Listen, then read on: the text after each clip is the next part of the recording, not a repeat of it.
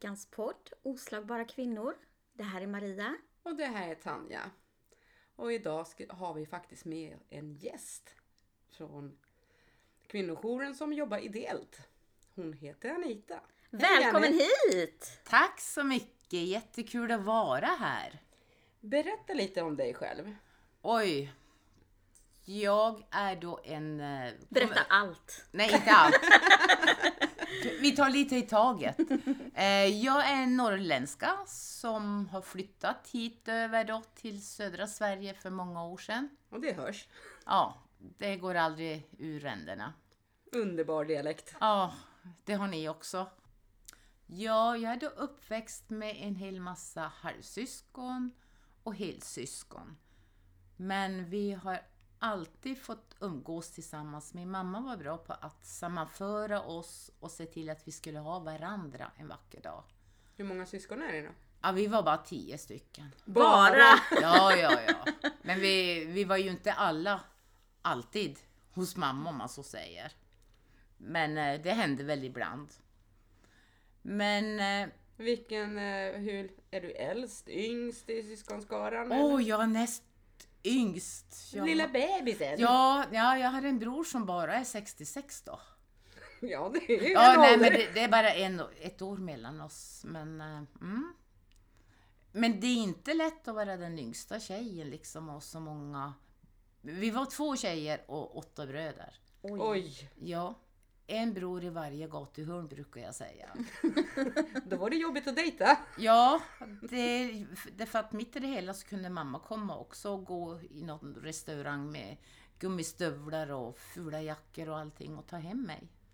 Så Ja. hände det, men eh, det var nog bara kärlek. Ja, men det är trevligt. Ja, Skulle du säga att du hade en bra uppväxt Anita? eh, jag kan väl säga att eh, jag börjar komma ihåg mycket fragment då jag var fyra, fem år. Men inte från min mamma, utan det var väl från min far som var som, eh, vad ska man säga, han var ju både kvinnomisshandlare och barnmisshandlare och allting. Oj! Men man förstod väl inte på den tiden riktigt hur det var. Man pratar väl inte så öppet om sånt heller då på nej, den tiden? åh nej. Inte inom familjen. Men jag kommer väl ihåg en del gånger då mamma ringde efter några mostrar till mig. Då fick jag åka till dem och bo hos dem tills det värsta var över. När det var våldsamt då. Ja, precis. Men eh, jag hade bra mostrar också, absolut. Och jag, jag var som ett barn där, de tog verkligen hand om mig. Vad skönt att ha familjen så nära och ha till hjälp. Ja, det är ju familjen som stöttar. Men jag kan ändå säga att, att jag lider av det idag. Jag kan ju prata om det, det har jag inga problem med, men jag lider inte av det. Men jag har nog alltid varit lite mer kanske lättsam. Töm och glöm som vi säger uppe i Norrland. Ursäkta nu, men det kan ju vara lite olika saker. Men, eh, Här nere i ja, södra delarna så betyder det något helt annat. ja, ja, förlåt. Jag ska inte fråga vad. Absolut inte. Men hur kom du i kontakt med kvinnojouren? Jo, det var väl så här att eh, jag har väl funderat över att försöka finnas till hands. För min första riktiga, om man ska säga erfarenhet då jag tog hand om en kvinna, det var en klasskompis till mig. Eh, vi var ungefär i 22-23 års åldern. Då kom hon ner till mig och var svårt slagen. Oj, och jag kände hennes man också då och jag blev så förbannad och gick upp till dem. Eh, konfronterar du mannen då? ja, det gjorde jag. Jag kände honom också och jag var så arg. Och jag hotade honom med att samla ihop alla mina bröder, kommer jag ihåg. Ja, du har ju rätt många. Ja, och efter den gången så bodde hon inte med honom någon mer. Så att eh, Men det var där- jättestarkt gjort av dig. Ja, Det är inte många som skulle våga lägga sig i. jo men det visste man inte då. Det tänkte man inte på då. Jag, jag tänkte aldrig på det. Nej men tänker man idag i samhället så är det faktiskt många som blundar istället för att de lägger sig i någons privatliv. Så jag tycker det är jättefint gjort av dig. Men jag tror ju att det blir- blivit lite hårdare med mycket vapen och andra saker också. och mera knark att de har använt. Det, det fanns det inte riktigt på min tid då. Och det tänkte man inte på då man konfronterade. Nej, det Jag var tror- ju mer, om man tänker slagsmålen var också mer rena på ett annat sätt. Ja. För det var ju knytnävarna och inte knivar till, Precis. som man använder som Ja. man gör idag. Ja, så kanske. var det ju faktiskt. Att, Nej, det var inte det grova våldet med Nej. vapen åtminstone. Nej. Ja, så var det. Och, och så var jag ju van också. Min mamma hjälpte alltid andra så mycket. Jag såg ju alltid det. Och vi tog hand om barn som om föräldrarna blev jättesjuka och skulle in på något psyk eller någonting. Då tog vi hand om dem och de fick bo hos oss. Hur var det på den tiden när man hamnade på psyk? Det var väl tabu eller var det mer öppet än idag? Det vet jag inte riktigt. Jag var så ändå så pass ung. Det var innan jag flyttade hemifrån. Jag vet det var mycket barn hos oss. Ja. Så jag har som ingen minne av det. Jag kommer ju ändå ihåg några kvinnor vars barn var hos oss. De var ju inte... De pratade ju om det, men det fanns inte så mycket att prata om. Tystnaden kunde läka en del gånger, tror jag folk tänkte också. Men kan man säga då att eh, det här med att hjälpa utsatta, det har liksom varit en del av ditt liv naturligt? Sedan du var ganska liten egentligen då? Bara för att du har sett din mamma göra det med... Inte bara Andra. utsatta, alla. Hade de det dåligt ekonomiskt kunde vi hjälpa dem. Vi hjälpte dem på många små detaljer, kommer jag ihåg. Ja, utsatta på olika sätt tänker jag ju. Ja, Ja. jo men jag, jag tror det var mycket det också. Och jag var ju alltid med mamma. Jag var ju mammas tös. Mammas lilla flicka. Ja, jag var ju den enda tösen hon hade. Ja, Ja, det var ju skönt. Men när kom du i kontakt med själva kvinnojouren? Det var faktiskt här där jag bor nu. För cirka tre år sedan. Jag följde med min kar och hjälpte till med ett jobb utanför. Och så träffade jag på en kvinna som jobbade där. Och pratade lite med henne och hon tog mitt namn. På den vägen här, där gick jag utbildning. Och så började jag jobba lite ideellt och jag har jobbat med lite, fått lite lön ibland också. och du har hoppat in när det har behövts. Ja, Men precis. främst så jobbar du ideellt för kvinnojouren. Ja, nu mer är det ideellt också. De har nog många just här. Vad var det som fick dig att vilja börja? Ja, det, det var väl att försöka finnas till på något sätt. Och samtidigt var jag ju nyfiken också på vad det kunde ge både mig och andra. Och hur jag skulle reagera och träffa på så många. Och jag visste ju inte vad jag gav mig in på. Absolut inte. Har du ångrat det då? Nej. Absolut inte. Det är det bästa jag har gjort i hela mitt liv. Absolut det bästa. Det har gett mig så mycket också. Jag tror aldrig jag har varit så öppen någon gång som jag har varit här. Ja. Men jag har inte behövt eh, kanske prata av mig för något trauma eller någonting, utan bara att man kan visa att det finns också, vad ska jag säga, kvinnor som ändå har fått uppleva mycket som ändå kan hela. Ja. Men samtidigt, de kvinnor jag har träffat på har ju gett mig så mycket och våga berätta deras enorm- Historia. Ja, alltså vilka berättelser. Det Du måste ju ha hört en hel del historier. Ja, det har varit mycket hemska. Eller alla har varit hemska, men...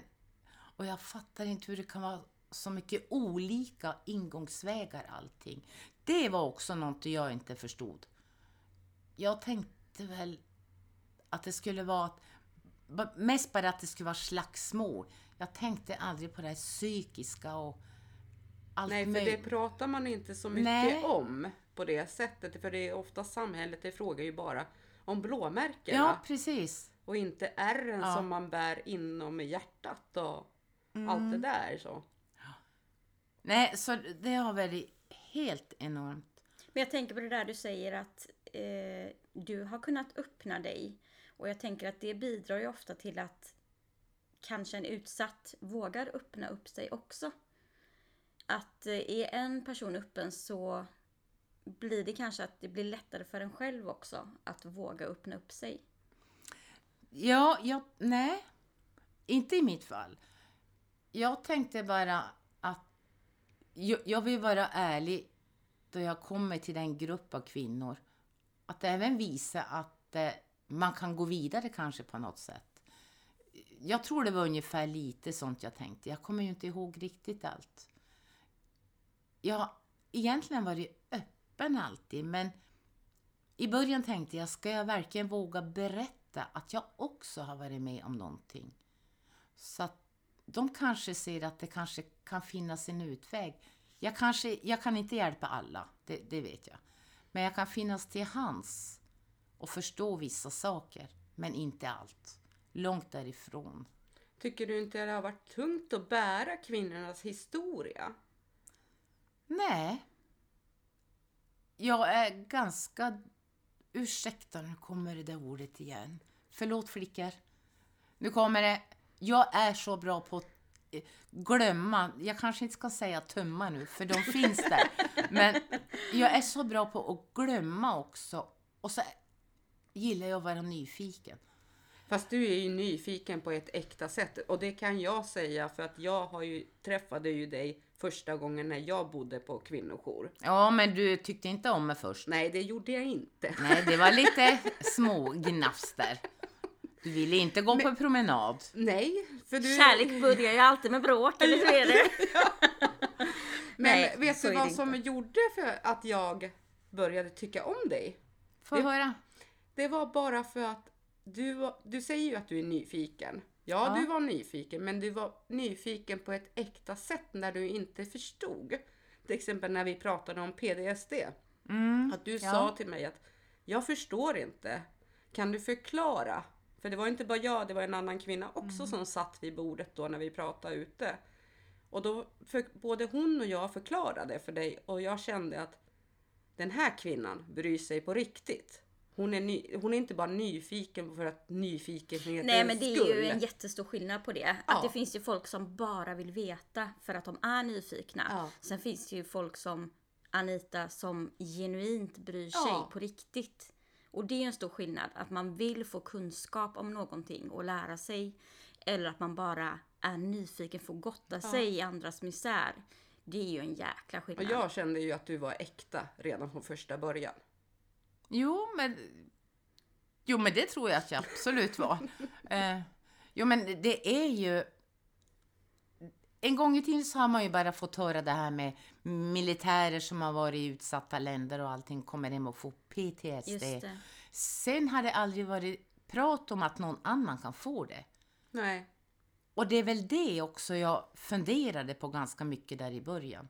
Visst hade jag hört det, men en, att kvinnor kunde få det, men att få höra det muntligt av någon som sitter mitt emot mig. Ja, En helt annan grej då.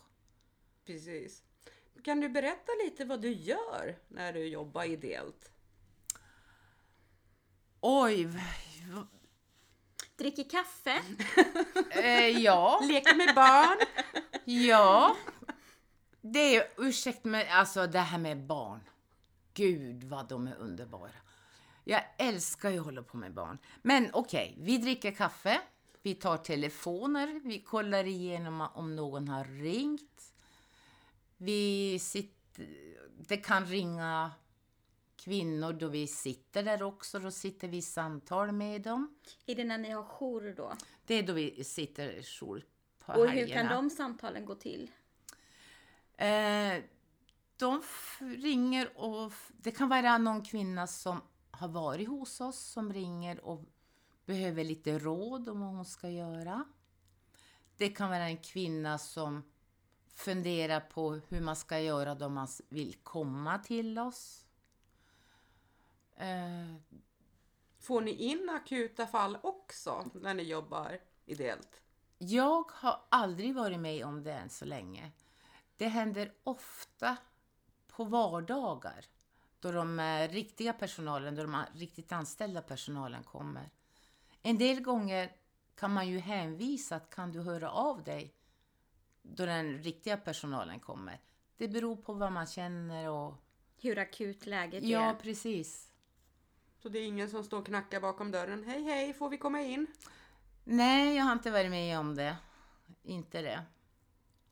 Men eh, andra kvinnor har ju fått vara med om det. Och det är just det här med att man aldrig vet vad som ska ske. Men det är också en viss eh, charm i det, att inte veta. Ja, det kan jag förstå. Jag tänkte fråga dig en sak Anita. Ja. Vad det krävs för utbildning för att kunna jobba ideellt på kvinnojouren? Jo, då har vi... eh, Vi hade tre utbildningstillfällen. Och då fick vi läsa om lite olika punkter. Eh, varför män misshandlar kanske. Och vi hade eh, någon advokat har jag för mig. Det är så många år sedan nu. Men en advokat som var dit och berättade också. Vi hade en polis som berättade.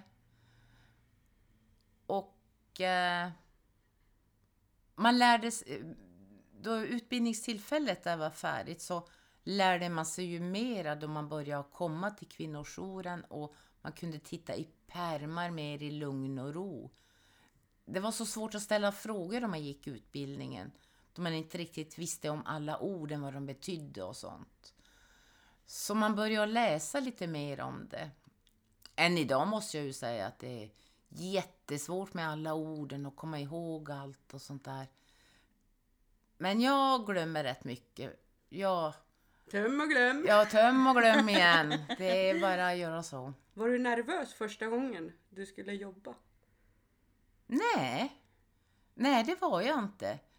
Jag hade ju åkt till kvinnojouren på min, vi säger lediga tid och bekanta mig med huset och lite pärmar till att börja med och telefonerna och sånt där. Så någorlunda trodde jag att jag skulle fixa det. Eh, Jag hade väl tur att det inte hände så mycket där jag var där ändå. Telefonen ringde. Och det var nog någon familj som bodde där med barnen också. Det där med barnen, det var ju så mycket lättare på något sätt. Och jag gör ju nästan allt för barn. Eh, Jag visar dem fruktansvärt mycket kärlek och de är ju så underbara. Ja. Det är ju så. Men det var väl ungefär så det var med utbildningen. Hur mycket jobbar du då? Eh, då i början så satt jag jourkvinna och då satte jag mig nu upp ganska mycket. Både lördagar och söndagar. Så ni fick- får själva bestämma Ja, hur ni jobbar? ja, vi hade en lista vi fyllde i. Och då skulle man alltid sitta två stycken. Och det var ju jättebra tillfällen för då lärde man känna andra kvin- jourkvinnor också. Och det är klart, alla är bra på något sätt. Jag var inte bra på att alltid svara i telefon och lyssna. Men det var någon annan, så man kompletterar varandra ganska bra.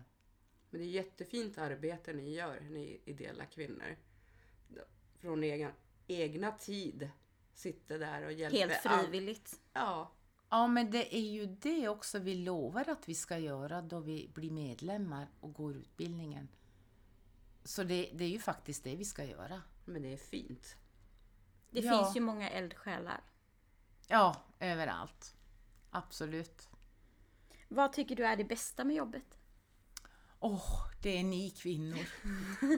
ni kvinnor och barnen. Alltså, ja, jag måste ju säga det så här. Tanja, gud vad jag älskar dig. Jag älskar dig också. Åh, jag vet att du är syster, du är mamma, du är mormor, du är allt för mig. Ja, vi har ju blivit vänner under resans gång. Ah, gud vilka vänner vi är. Ja, Det går inte att prata om det nästan. Gud då! tack. Jag får adoptera dig och du mig. Ja, Och du också Maria. Jag känner inte dig så mycket. Nej, vi har Men inte träffats så Gud! Du är ju underbar också. Tack Anita, det är du Alla med. kvinnor jag kommer i kontakt med. Jag är så lyckligt lot- lottad här i livet, absolut. Hur träffades eh, du och Tanja? Jo, det var då Tanja var på kvinnojouren för länge sedan. Så träffade jag henne. Och vilken träff det var. Jag vet kanske inte riktigt om det var första gången. Men det var en gång jag frågade henne om vi skulle gå ut och promenera. För att jag hade hunden. Ja. Svaret? Nej. Du var ju envis och gav dig ditt nummer till mig kommer jag ihåg. Jajamän. Och jag tog in den där lappen så Ja. snällt och tänkte den där kärringen kommer jag aldrig ringa. Precis. Och hon Men- ringde inte. Ack så fel jag hade. Jag smsade faktiskt en kväll när jag mådde dåligt. Men Ja. det var efter att du hade visat Hade du liksom Intresse. din guards Ja. uppe där Ja, Tanja? det Muren högt liksom. Jag Ja. släpper inte in en jävel Ja, ungefär. definitivt. Men det var då när hon eh, visade intresse för PDSDn. Att hon var nyfiken på ett äkta sätt. Ja, det var Då ju- började ja. jag släppa ner min gard lite. Då kröp hon fram från väggen. Ja. Då kom hon. Ja, men jag var ju tvungen att få veta lite mer. Jag ville ju lära mig också. Jag ville ju veta hur hon mådde. Absolut. Annars gör man ingenting här. Och så vart du kär i min hund. Ja, herre Jesus. Alltså, jag får ju kyssar och pussar av den hunden varje dag. Hundar och ungar, jag vet inte, jag tror de dras till mig. Det är någonting med mig. Men de är fina alla. Så kommer jag ihåg att eh, vi började göra små utflykter. Ja, Och du anar inte hur betydelsefulla de utflykterna har varit för mig. För det, det, på den tiden så gjorde det att jag kände mig mer social. För man, när man bor på kvinnojour så känner man sig så instängd. Man är rädd För, Isolerad. ja, man är rädd för världen på något sätt. För att man är van att leva i rädsla när man levde med dem. Och jag kommer ihåg med dina picknickkorgar. Men framför allt så kommer jag ihåg en sak som betydde så otroligt mycket för mig. Du, du hade alltid med dig en handduk, rödrutig handduk. Och du satte den alltid på bordet och jag kände mig så speciell. Bara, Nej men gud, gör hon det för mig? ja, jo men det... Ja, jag är sån. Ja, det var jättefint. Man ska ha duk med sig vid picknick. Absolut, det är, det är A och O. Jag vill ha ett rent bord också. Ja. Det är ju bara så. Så det var inte bara... speciellt för min skull då. Äh, nej, det var det också. Jag är van att man gör så. Ja. Men jag vet, jag såg på det också att du tyckte det var jättetrevligt. Ja, jag älskade Ja. våra utflykter. Vi var ju på några mysiga ställen. Ja, jag fick lära känna en ny stad som jag aldrig hade varit i. Ja. Herre Jesus. Ja men du sa ju, det är som att du är en karl Anita nästan. Som, Ja. som tar med mig ut. På dejter. Ja. För jag hade inte fått vara på dejter. Jag kände många gånger liksom att jag gjorde mer med dig än vad jag hade gjort någonsin med honom. Under alla åren jag var ihop med han. Och det var så sjuk känsla under en sommar. Få göra så mycket. Ja, för man har ju levt så isolerad i så många år i en våldsrelation. Så att få komma ut och göra de här sakerna, det är ju så otroligt betydelsefullt. Det är som att man börjar leva igen. Och det är läskigt också att börja leva helt plötsligt. Absolut. För man har ingen aning vem man är. Så din stöttning var mycket för mig. Ja, det var lika roligt för mig att se ögonen ibland tindra till också. I, inte hela tiden, det var ju lite rädsla märker man. Eller Och allas eh, tårar du också fått se. Ja, gud, och, jag har också gråtit också. Gud, jag gråter med alla som behöver. Jag är så känslig då det ändå kommer till det. Men det är ju det som gör att man får förtroende för dig. Och att man vågar öppna sig. För att Ja. du är äkta. Ja. Tack flickor. Jag uppskattar det också ska ni veta. Och sen har jag ju sett hur du är med barnen. Hur barnen skiner upp när du kommer. Hur du bara går ja till och hur mycket du nivå. bryr dig om barnen. Berätta lite om barnen. Eh, jag har väl... För det första har jag ju alltid velat ha en hel massa barn. Så är det ju. Eh, jag hade en son, men han eh, dog ju för många år sedan. Och sen har jag ändå hjälpt så många barn. Eh, jag vet inte i vilken ände jag ska börja. Det börjar redan då jag jobbar i en skola för ungdomar, eller 7, 8, 9. Då tog jag hand om några ungdomar där som var jättevilda. Där träffade jag en tjej. Och den tjejen är så underbar kvinna idag. Och hon har ett, också ett litet barn. Och sen då träffar jag ju barn här omkring också. Och det är som att det, det, det är som jag sa förut, att det var som både hundar och barn har dragits till mig, men jag vet inte varför riktigt. Men kan det vara Men- att det är läkande för dig? Nej. Men jag tror det är mitt, jag, mitt lugna jag många gånger. För jag pratar ju inte fort. Jag försöker tänka vad jag ska säga. Nej. Nej, men jag är långsam. Det är bara så. Och jag tror barn behöver någon som är lite långsam ibland. Och då hinner jag lyssna på dem. Då är jag så långsam. Långsam vet du vi fan i alla tillfällen. Jo, men ska det men- göras någonting så är det full Då är jag fart. snabb. Ja. Då är det 100 procent. Ja, jag vet. Nej, men jag... Nej, men det är väl norrländskt att vara lite... Jo.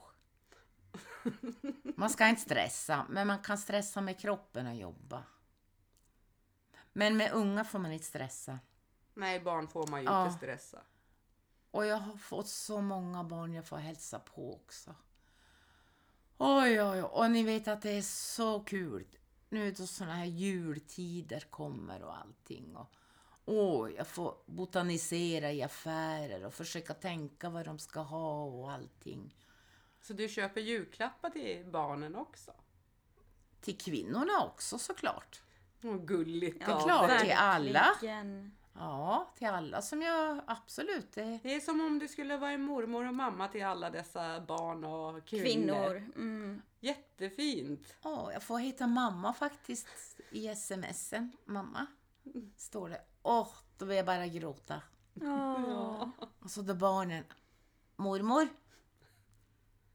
Ja. Ja, det är så... Ja, gud ja. Vad ska jag säga om det? Så är det. Jag hoppas... Hur mår barnen som kommer? Eh, jag har väl inte märkt av dem så mycket kan jag säga. Men efter ett tag så har jag ju sett vad många barn har blivit lugna. Eh, de måste också få landa lite. Men jag kan förstå att du inte har märkt så mycket av barnen för att du ger barnen det de behöver och de får glömma med dig. För det är det jag har sett när jag har handlat, liksom när du har varit med barnen. Att det, det, de får vara barn och det är inte Ja. leva i traumat och vara oroliga för mamma utan det är en lektant som kommer och leker med dem lite. Jo, Det men det har jag alltid försökt att vara till de här riktigt små. Det, absolut. Och eh, jag är ju ingen sån här eh, psykolog på något sätt.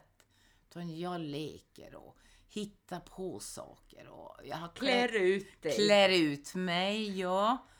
Jag har gjort såna här, äh, vad kallar man det, där man gömmer lite roliga saker ute och vi har gått lite med lampor och sökt skatter ute också. Haft såna lekar. Jag har varit barnvakt på kvällarna så någon mamma har fått gå ut. Det är fantastiskt. Eh, och barnen har varit hem till mig också.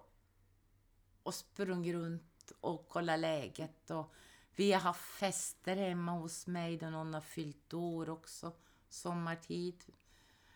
Ja, Du har helt enkelt öppnat ditt hem också för kvinnorna. För jag vet ju att när jag bodde på kvinnojour så kom jag över till dig och fika med min Jajamän. hund. ja. Jag tyckte det var... Bara det att få byta miljö. Jag ko- kände sig lite normal. Få gå över till en väninna och fika Mm. som man gjorde en gång innan, innan man träffade honom. ja. Och det blev ju också kontentan av det hela. Du passar huset tre Ja. veckor. Ja, det gjorde jag. En Ja. sommar.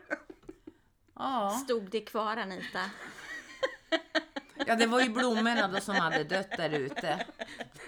Hon satt och njöt för mycket där uppe på balkongen som de där nere dog. Men, so what? Men det, det roligaste var ju också att hennes hund trivs, trivs ju i huset. Hon älskar ju, Och du har ju varit hundvakt åt Ja. mig. Och när jag bodde på kvinnojour så var det ju hundvakt. Ibland för att jag Ja. skulle kunna åka iväg och träffa till exempel min son som bodde sex timmar bort. Ja. Och det tyckte hon om. Gud, då var hon fick vara ute mycket och gå och skutta omkring på gräsmattan och oj. Och jag fick ha en hund i sängen som inte löste hår. Vilken dröm! Men visst är det mycket. Det, jag gjorde ju, stack iväg ut redan vid sex på morgonen. Ja. Hon hade ju knappt inte vaknat, hunden. Men jag ut! Så det var jätteroligt. Och hon har skedat med mig i husbilen en gång. Jajamän.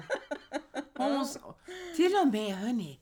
Det var en gång så här, första vi gjorde en sån här jungfrufärd med en husbil. Och så satt hon mitt emellan oss då, hon satt på golvet. Så tittade jag på henne. Du, sa jag, du har väl inte tänkt sätta dig i mitt knä? Tror ni inte att hon kommer och klättrar upp i mitt knä och sitter framme och ska titta ut genom fönstret? Alltså så klok hund. Ja, och det är ingen chihuahua direkt. Nej. I knät. Nej, alltså den är stor. 60 centimeter hög. Ja, 30 kilo. lika lång som mig då man skedar. För jag gick och skulle vila. Men jag fick inte vila ensam. Ja, nej, det- det är trevligt att ta hand om den hunden. Absolut. Och det här med djur. Vilken sorts djur det än är märker jag ju att vad viktigt det är för kvinnorna. Eh, för många kvinnor, jag tror inte de skulle klara livspusslet utan att ha dem i närheten. Jag hade inte lämnat ens om inte jag hade haft min hund. Nej, det är ju helt fantastiskt att det finns den möjligheten att kunna ha med ett husdjur på ett boende. Och det är ju inte alla boenden som tar emot djur. Men det finns ju några. Ja, vilken tur. Jag kommer ihåg när jag ringde till Kvinnofridslinjen just att det var just där jag, närheten av där jag bodde, då var det bara två stycken nummer som jag fick. För att kunna ta med mig min hund. Fanns det bara två ställen menar du att man kunde... Ja, där i närheten av där Aha, jag okej. bodde då med honom. Mm. Så var det bara två ställen som jag kunde ta med mig min hund till. Ja, är det inte så annars att de hänvisar att man får lämna in dem på någon hundgård eller någonting? Eller man får skaffa själv eh, liksom någon som kan ta hand om djuren så länge har man ju fått höra också. Men många vill ju inte såklart lämna ifrån sig sina djur utan man vill ju ha med sig dem. Det är både en trygghet, att, om, om det nu är en hund som kan skydda en. Hoppas ni förstår att jag inte menar att en hund behöver vara arg, men man kan ju känna en viss trygghet om man har en större hund. Det är ju även som en människa det blir, att man kan prata med hunden. Prata om vad man har varit med om och prata om dagen. För man kan ju känna sig jätteensam då man kommer till ett boende. Alltså, vad, vad jag efterlyser det är väl att någon veterinär som skulle kunna finnas till hands.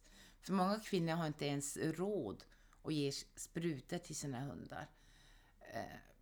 Eller fått göra det. Eller framför- fått göra det på förut grund då, av förhållandet. som jag hade. Ja. Och jag kommer ihåg faktiskt då att du betalade vaccinationer för min hund för att inte jag hade fått göra det. Mm.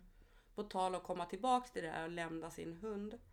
När man inte får ta med sig sin hund så finns det faktiskt nästan som en fosterfamilj som man kan lämna sin hund till som heter VOV. Och vad heter det? Jag hade ju inte velat lämna för man har tyvärr inte chansen att träffa sin hund under den perioden. För att, Man behöver djuret. ja, men det finns... Hund och katt eller vad Det kan det vara bra är. att nämna det, att Ja. det finns ett sånt ställe där man kan lämna. Jo, men ändå, du är ju ändå ensam på det sättet. Du behöver ha den med dig. Ja. Så jag, hade ju, jag hade ju inte klarat mig utan min hund i Nej, den situationen. Det hade du inte. Åh nej. Det, då hade jag isolerat mig helt och hållet. Ja, men din hund förstår ju och det syns ju på henne då. Då du är ledsen så är ju hunden ledsen. Ja, då är hon extra kramig Ja. och visar att hon finns där vid min sida. Att vi går igenom det tillsammans. Jag brukar säga att det är hon och jag mot världen. Ja. Nej men så en, en, om någon veterinär någon gång lyssnar på sånt här, snälla, snälla. Ni kan väl ändå hjälpa till på något sätt. Ehm, en spruta lite här och där. Det Hoppas tycker jag är jag. fint. Verkligen. Anita, kunde du föreställa dig att det fanns så mycket kvinnor och barn som var utsatta? Nej. Jag ryser då jag säger ordet nej nu faktiskt. Fa- det, det är så svårt att förklara. Absolut. Alltså jag tappar ord nu känner jag. Det är första gången i mitt liv jag ser så enormt mycket. Men det är väl kanske också det jag har öppnat ögonen på ett helt nytt sätt. Ja, jag vet inte hur jag ska... Det är därför Förklara vi tycker annars. att det här ämnet borde upplysas mer. För att kanske andra kan också se utifrån att det händer faktiskt mycket med kvinnorna. Kvinnor blir våldsutsatta. Och det händer överallt. Det I gör hela landet. Och det kan hända vem som helst. Ja. Jag hör ju från mina vänner. De vet ju att jag håller på med kvinnojour. Och en del kan säga, ja men det är väl ingenting här. Herre Jesus säger jag, du ska bara veta. Det är så mycket elände här. Och jag vet inte om de blir rädda för att söka då, för att börja och jobba lite ideellt. Det är som att de söker eh, tid hemma hos familjen eller hittar på annat så att man ska tro att de är upptagna. Jag brukar säga, men snälla sök till jouren. Du skulle passa där, men jag tror ändå inte de vågar. Jag tror att det finns en rädsla för det. Jag tror det är rädslan att det kan bli för mycket för en del. Eh, En del kanske ändå inte har vågat bearbeta hela sitt liv, men det kommer. Det är lugnt, brukar jag säga. Det kommer. Du har ju träffat många ideella kvinnor när du har jobbat. Vad tycker du att man skulle kunna göra bättre? Hur menar du? Om jag... Ja, bättre med hur man kan jobba som ideell eller vad, vad ideella kan... Organisationen och... Ja, nej, mer det här vad ideella kvinnorna kan göra mer. För jag vet ju att du gör så mycket. Och när jag bodde på kvinnojour, du var den enda jag träffade som jobbade ideellt. Oj, ja. ja, Så men, ja. det är det jag menar. Hur tycker du att andra ideella kvinnor skulle kunna jobba? Jo, alltså nu har vi ju haft ett litet möte faktiskt och vi har försökt bilda lite grupper. Vi har en sån här fixargrupp till exempel och vi har någon, jag tror det var någon bok, vi har bokgrupper, de fixar bibliotek, det finns ju massor med bra böcker att låna. Ehm, vi hade på gång någon barngrupp också. Men vi håller på att starta upp det lite mer. Å andra sidan är det lite svårt på något sätt. Vi har många, kanske äldre jourkvinnor och då kan jag förstå att det, det blir jobbigt ju äldre man blir. Absolut, jag har förståelse för det. Men jag tror ändå alla kan göra lite hur än gammal man blir. Man kan vara, fortsätta vara nyfiken så länge man orkar tänka. Är det bara äldre som jobbar Nej, vi har faktiskt fått in lite, mm, det, det vi kallar yngre. Och det är ju runt 40, några. Ja, det finns ju lite yngre också. Eh, så det kanske är på gång också att det kommer in lite yngre krafter. För visst kan det vara jobbigt ibland att hinna med att göra små detaljer och sånt där. För det är ju inte bara att sitta och svara i telefon. Man ska ju spika och hamra ibland och man ska göra lite fester och ut och kratta lite. Det behöver man ju i och för sig inte, men det kan vara skönt det också att göra med, vi säger med barn och plocka äpplen och kasta dem på varann och sånt. Men vi får se hur det blir. Vi, vi hoppas det blir bra. Med kvinnor, absolut. Anita, jag har en liten fråga till dig. Ja, kom igen. Är du säker? Eh, nej, Vad är ditt råd till de som vill börja jobba ideellt? sök. Ring. Ring till kvinnojourer. Alltså, det, jag vet inte om jag ska säga... Det enda rådet är att det kommer att berika ditt liv. Det kommer, tror jag, ju mer som söker, att man får ut budskapet mer och mer och mer till folk och till män. Sluta slå. Det kanske öppnar deras egna ögon hur de har det hemma. Nej, sök. Alltså, det är bara bra. Jag har inget negativt att säga. Du tycker att fler ska våga söka? Ja, absolut. Eh, gå i varje fall utbildning och fundera lite. Och lyssna på vad som händer runt omkring dig. Det kan man ju börja känna. Man Man kanske inte behöver bestämma sig, men gå utbildning om det är möjligt. Och sen bestämmer man sig. Men det, det är kul. Ja, det låter sjukt. Är det kul om någon slår kvinnorna? Nej, det är det inte. Men det är så kul att träffa så bra vänner också. Det är livet. Vi är Jo, men det är- tacksamma att vi har dig. Verkligen. Och det är något vi har pratat om också i podden tidigare att man måste ju få skratta åt eländet också. Absolut. Ja, ja gud. Att man kan ju inte bara sitta och gråta och liksom gräva ner sig utan att det är också en form av terapi att kunna skratta och liksom det är helande. Ja, man får koka potatis fel. Ja, Men eh, vad då skrattar ni ofta åt det ni har varit med om? Kanske- Perioder. ja alltså För att kunna handskas med det bättre. Men nog gråter vi också över sorgen. Men, Men ni har- skriker väl också ibland, din djävul eller något? Helst i skogen när ingen hör. Ja. ja, men det är en bra grej. Det sa en spåtant en gång till mig. Anita, gå ut i skogen och skrik. Men Gjorde du det då? Nej, jag gjorde inte det. Nej. Nej. Vi har ju valt ut två frågor som vi frågar alla våra gäster som kommer till podden. Är du beredd? Ja, tror jag. Okej, Det här är 10 000 kronors frågan. men det vinner jag. Vad tycker du omgivningen och samhället kan göra för våldsutsatta kvinnor? Omgivningen ska väl ha lite koll vad som sker. Samhället har jag väl lite att fundera över, men jag kan väl tycka att jag ser så många kvinnor som får kämpa hur deras, vi säger ex, har sett till att deras ekonomi går åt helvete. Det är så svårt för dem en del gånger att få, vi säger bostad, betala av sitt lån, börja och göra rätt för sig i samhället, för det är så många som vill det. Där tycker jag vi skulle träda in.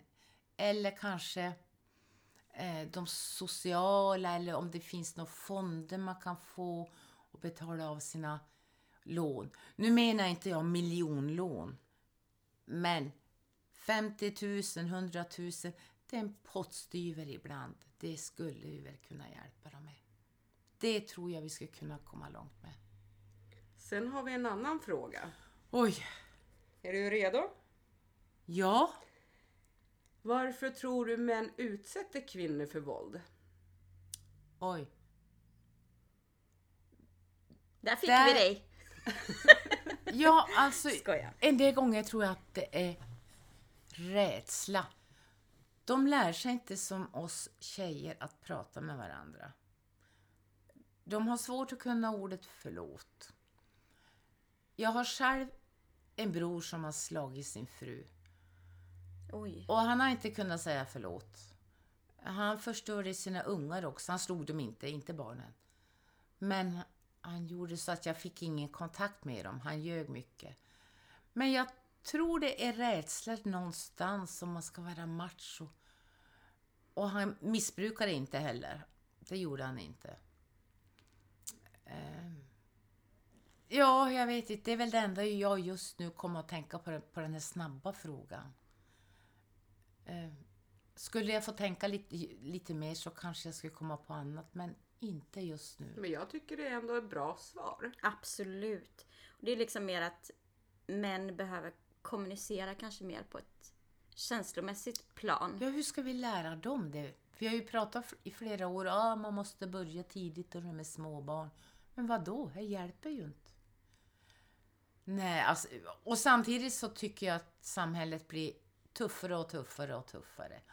Man ska vara macho i allt. Man ska ha senast telefon, man ska ha bästa bilen, BMW hit och dit och med största plånboken och ja, det vet det rackarna allt. Ja, det är väl så. Ja. Vad tycker du Maria? Ska vi tacka så hemskt mycket att Anita ville vara med oss? Tack så hemskt mycket Anita. Flicka, jag måste få säga en sak, en liten sak till. Om ni någon gång spelar musik, snälla spela Darin starkare. Den är så bra. Det Om inte annat så kan göra. vi länka den på våran Instagram. Ja, men gör det. Och TikTok. Gud. Ja. Ja, han är toppen. Åh gud, ah. jag, jag tror jag är kär i pojken. Ja, det var det jag ville säga. Det har varit otroligt givande och roligt att ha dig här. Och Ja, få det höra vad ni gör. Vad ni har drillat mig, hörni. Vet ni det? Och vilken eldsjäl du är Anita. Det är tur, alltså det borde Det finnas fler som du. jobbet du gör, du anar inte att du gör mer än vad du någonsin tror. Jag tycker om er. Nu tar jag er i handen, hörni. Nu är vi systrar. Och nu känner jag att tårarna kommer. Nu är det dags att gå och lägga oss. Tack för den här veckan. Tack så mycket! Och så ska vi ta Kvinnofridslinjen. 020 50 50 50 Och vid akuta fall. re- 112. Tack så mycket! Hej då! Hej!